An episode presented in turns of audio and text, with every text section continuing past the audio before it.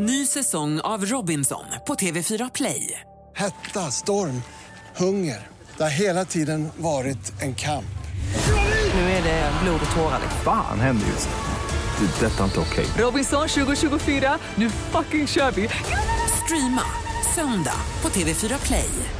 Hej, det är jag som är Lotta Bromé och det här är ett inslag från Halv tre med Lotta Bromé på Mix Megapol.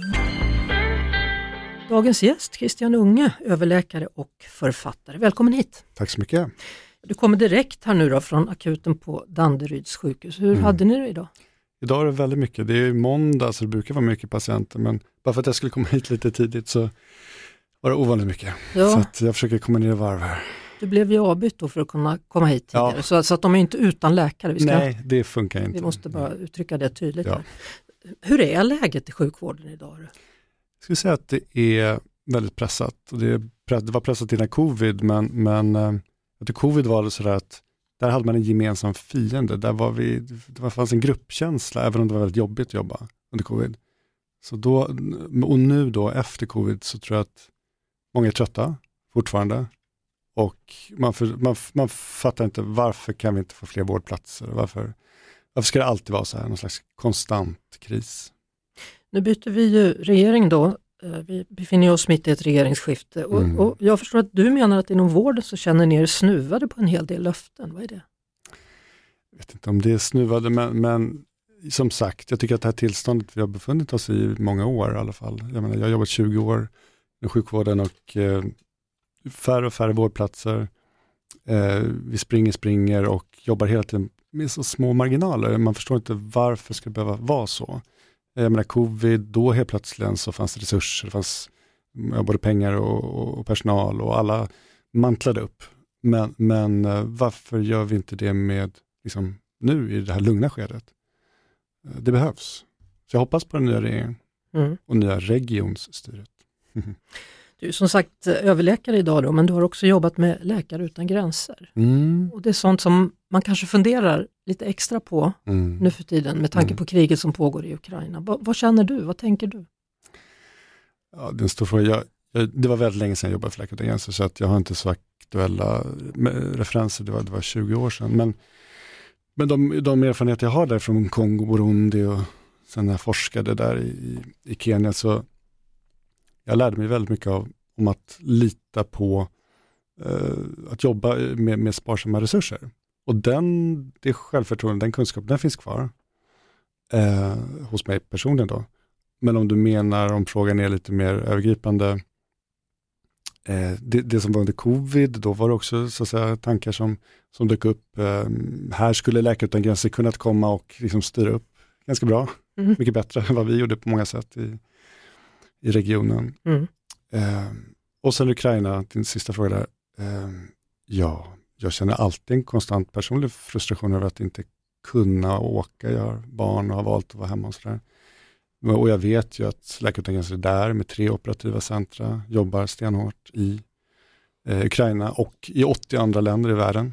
Får man inte glömma. Nu är det mycket fokus på Ukraina men det finns stora och väldigt långdragna, utdragna kriser i väldigt många länder i världen där gränser jobbar.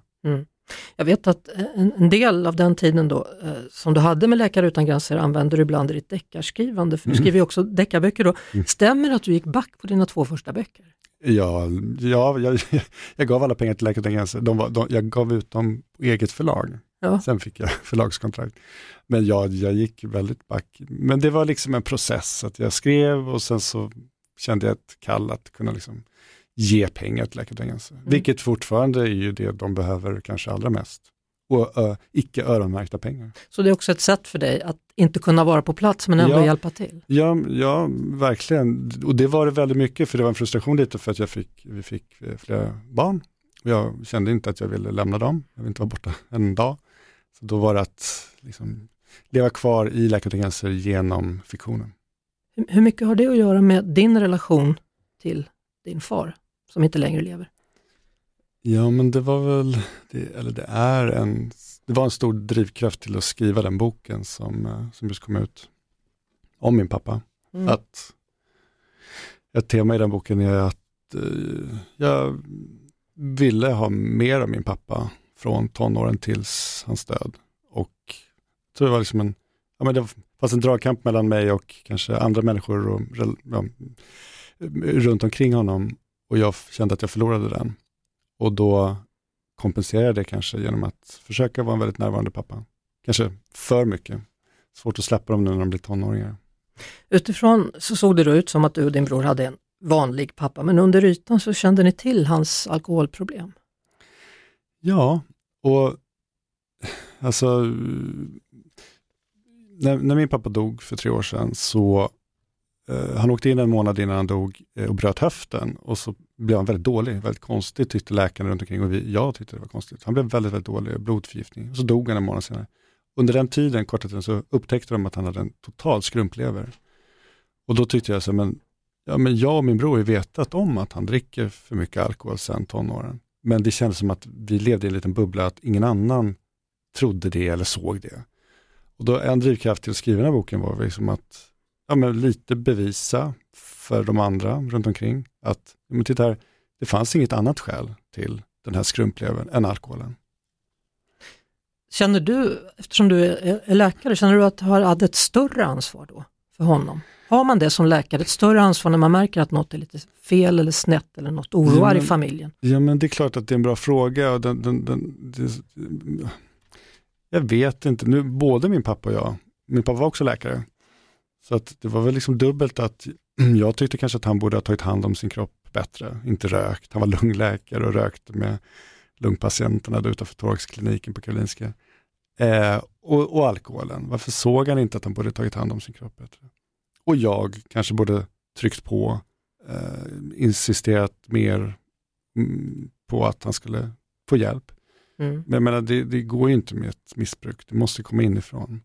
Så det var liksom hopplöst och lönlöst på något sätt. Jag kämpade i motvind hela livet tills han, tills han dog. Mm. Och jag borde kanske ha var mer accepterat honom för den han var. Det, det var väl liksom något jag också kom fram till när jag skrev boken. Jag började i någon slags frustration och sorg och chocktillstånd.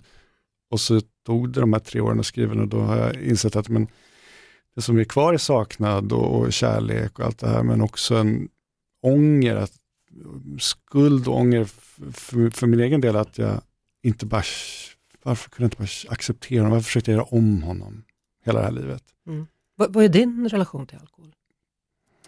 Ja, jag, jag, tycker jag är balanserad, jag tycker inte att jag dricker så mycket, alltid relativt, alltid.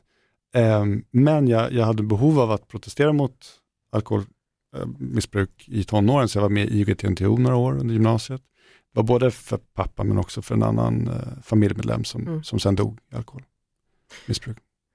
Uh, ja, du varvar berättelsen om din pappa med berättelsen om levern. Ja.